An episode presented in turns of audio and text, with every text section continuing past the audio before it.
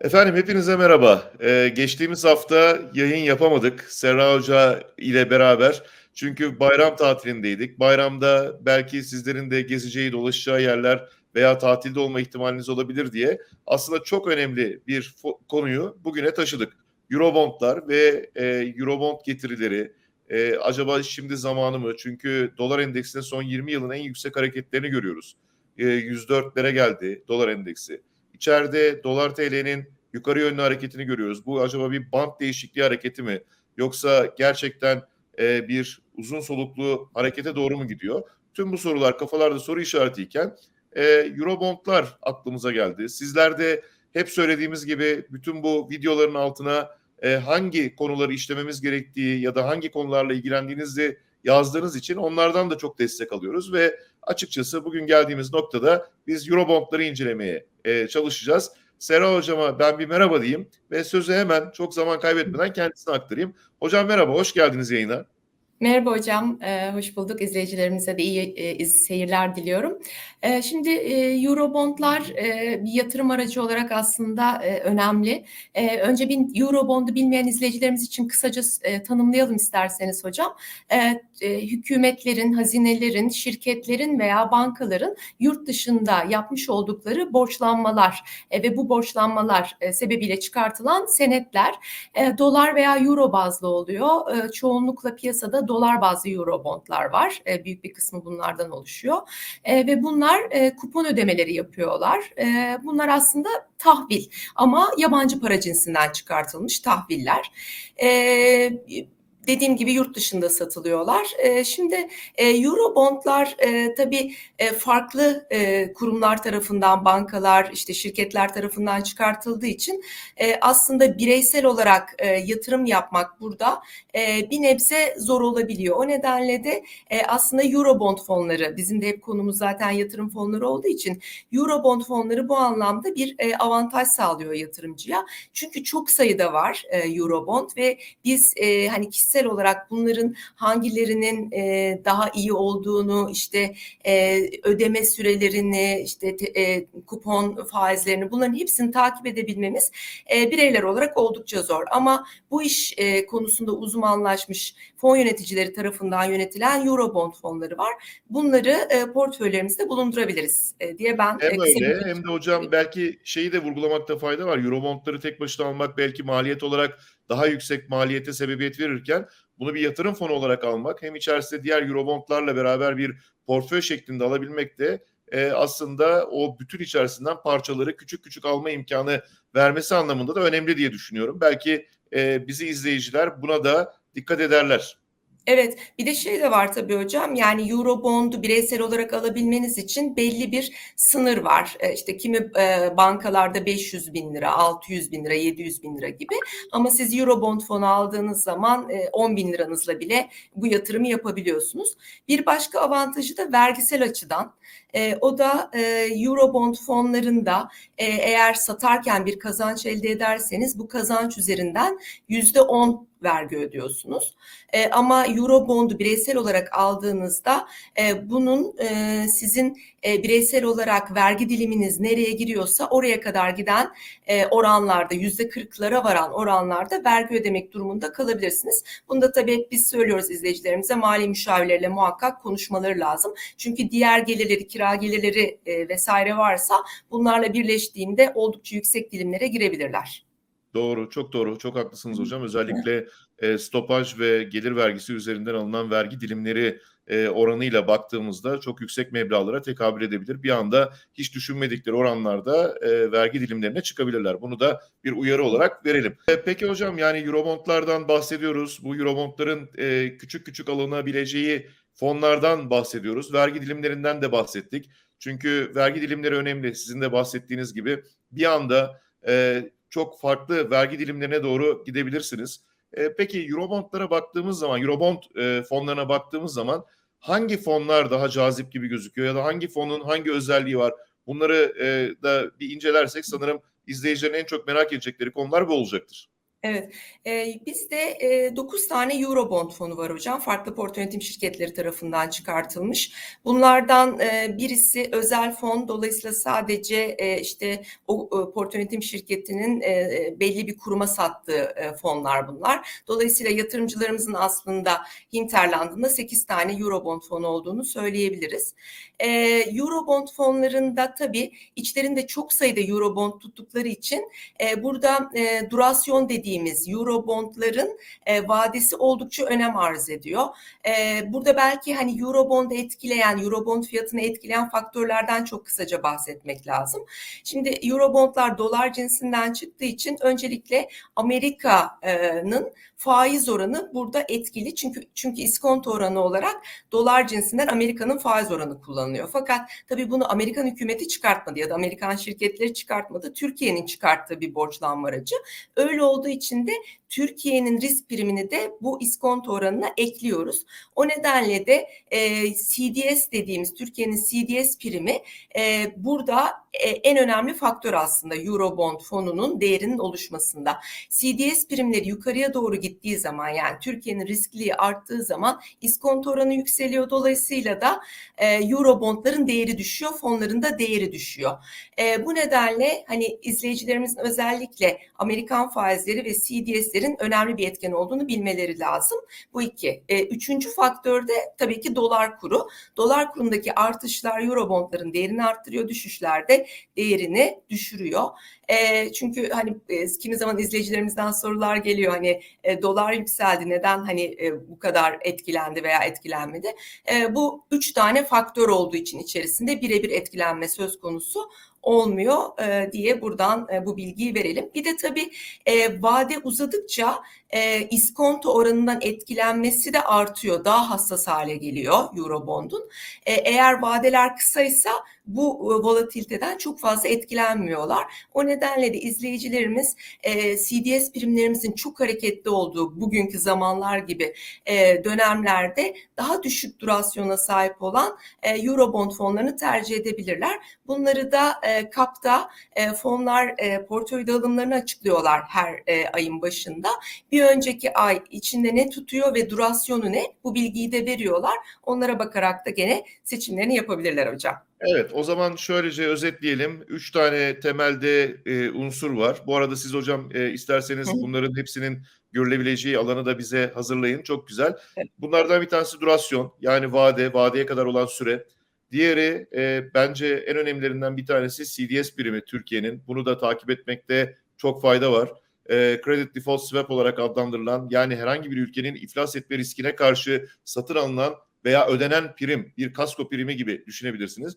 Bir de dolar kuru ve bu üçünün birleşimiyle beraber ortaya çıkan bir fiyatlama var. E, o nedenle bu üçünü takip etmek ve bu üçü hakkında bilgi sahibi olmak da fonları e, genel getirisi hakkında da bir bilgi vermek amacıyla önemli addedebileceğimiz bir konu. Özetlersek temel olarak budur diye düşünüyorum. Şimdi burada da fonlarımız var. E, bu fonların getirileri var. E, bunlara bir bakalım isterseniz. Evet.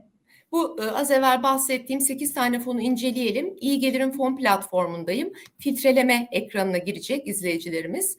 Buradan e, ana kategoriden e, filtrelemede e, şurada borçlanma araçlarını görüyorsunuz. Bunu seçeceksiniz.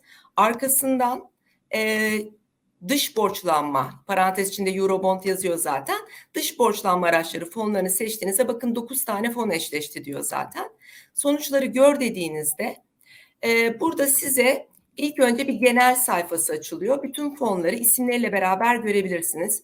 Ak portföyün, e, deniz portföyün, FIBA'nın, QNB finans portföyün, garantinin, iş portföyün, TEB'in ve yapı kredi portföyün az evvel söylediğim gibi bu e, konuda fonları var.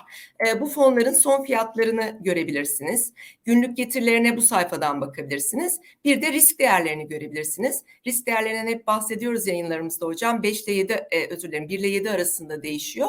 Eurobond fonlarının e, risk değeri de 5 yani ortanın biraz üzeri diyebiliriz. Yani aslında riskli yatırım araçları olduğunu burada belirtelim. Ama şu ana kadar e, incelediğimiz yatırım fonları açısından baktığımızda e, biz evet. beşli e, risk e, grubuna, risk değerine ait olan fonları çok incelememiştik. Onlara göre biraz daha riskleri düşük diyebiliriz. Yani Evet. ortanın biraz üstü olan bir risk grubuna sahip olan yatırım fonlarından bahsediyoruz bugün. Evet. Şimdi performans sekmesinde getirilerini göreceğiz bu fonlarımızın. Burada günlük, haftalık, aylık, bir aylık, üç aylık bakabilirler. Daha uzun vadeler, bir yıllık, üç yıllık, beş yıllık bakabilirler. Tabii burada uzun vade demişken hocam, hep yatırım fonları için söylediğimiz bir şey, Eurobond fonları için de geçerli bu. Çünkü Eurobondların süreleri uzun olduğu için izleyicilerimiz mesela bir Eurobond fonunu aldıkları zaman işte 3 ay tutayım sonra satayım diye düşünmemeliler. Çünkü burada o e, fonun stratejisini gerçekleştirebilmesi için bir zamana ihtiyacı var. O yüzden hani minimum 6 aylık süreleri itibariyle düşünürlerse burada verimin daha yüksek olduğunu görebilirler. E, şimdi e, örneğin bir yıla göre bir sıralama yaptığımızda fonlara bakalım. E, YBE dediğimiz özür dilerim bu en düşükten de. TP kodlu fon bir özel fondur. İş portföyün çıkartmış olduğu. Bunu e, bizler alamıyoruz. Ama IPV iş portföyün Eurobond borçlanma araçları fonu bir yıllık getiride yüzde seksenlik bir getirisi var. Onu e, FIBA portföyün fonu takip etmiş. Arkasından da e, TEP portföyün TPL kodlu fonu ta- takip etmiş. Bir yıllık getiriler anlamında. Bu getiriler, getiriler ne cinsinden hocam? Onu da belirtelim. Evet, TL cinsinden burada görmüş olduğunuz getiriler. Bir de şu notu da ben ileteyim izleyicilerimize. Eurobondları biz, Eurobond fonlarını daha doğrusu TL olarak alıyoruz sevgili izleyicilerimiz. Türk lirası olarak alıyoruz.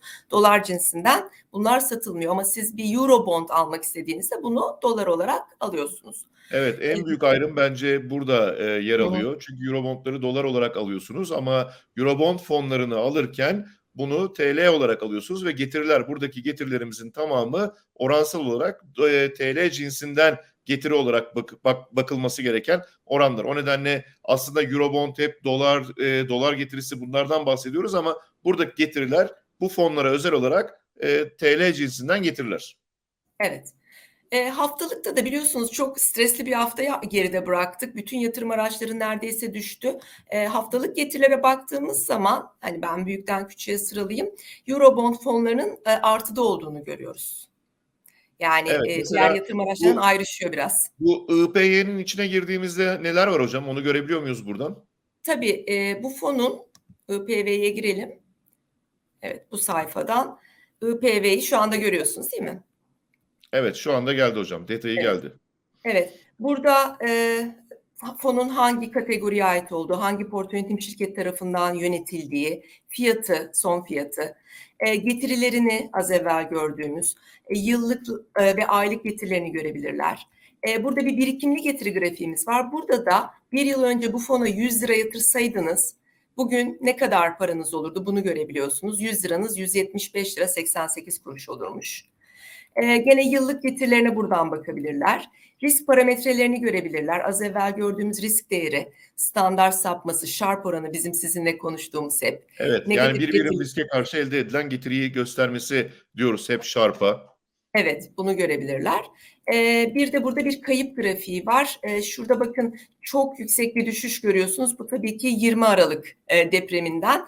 E, tüm yatırımın yatırım araçlarının etkilendiği gibi PV de etkilenmiş. %32'lik bir değer kaybı olmuş. Hem kurdaki düşüşten e, etkilenmiş bir fon diğer e, fonlarımızda olduğu gibi.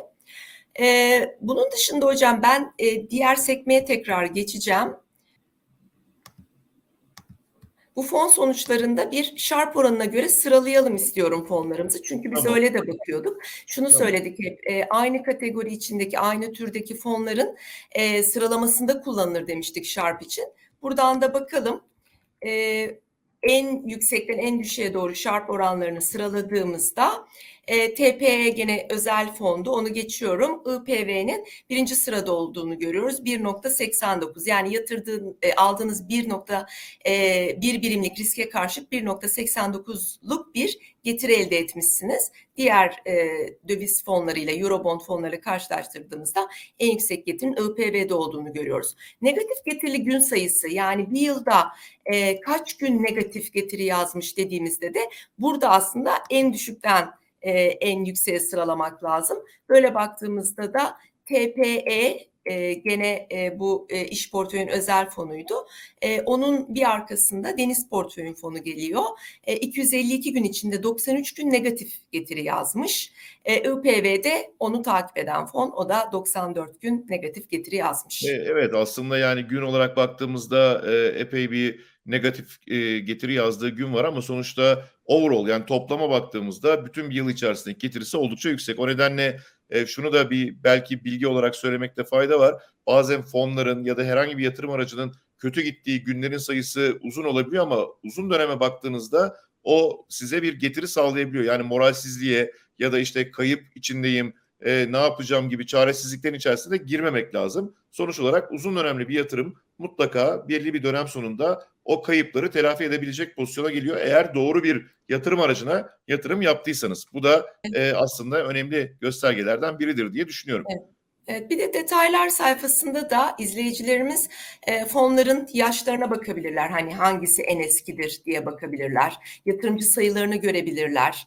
E, gene sıralamalar yapabilirler. Yönetim ücretine bakabilirler. Portföy büyüklüğüne bakabilirler. E, ve sizin de az evvel söylediğiniz gibi bir fonun e, koduna tıkladıklarında da o fonla ilgili detaylı analizlere, detay sayfasına ulaşabilirler. Biz bu haftaki fon bültenimizde de IPV'yi inceliyoruz hocam. İş portföyün Eurobond fonunu. Ee, eğer e, web sitemize girip e, bültenimizi indirirlerse e, ayrıntılı olarak bu analizi de okuyabilirler. Evet çok teşekkürler hocam. Ee, ben bir hatırlatma daha yapayım lütfen bizi izleyenler için. Gerçi bunu en başta söyleyecektim ama unuttum.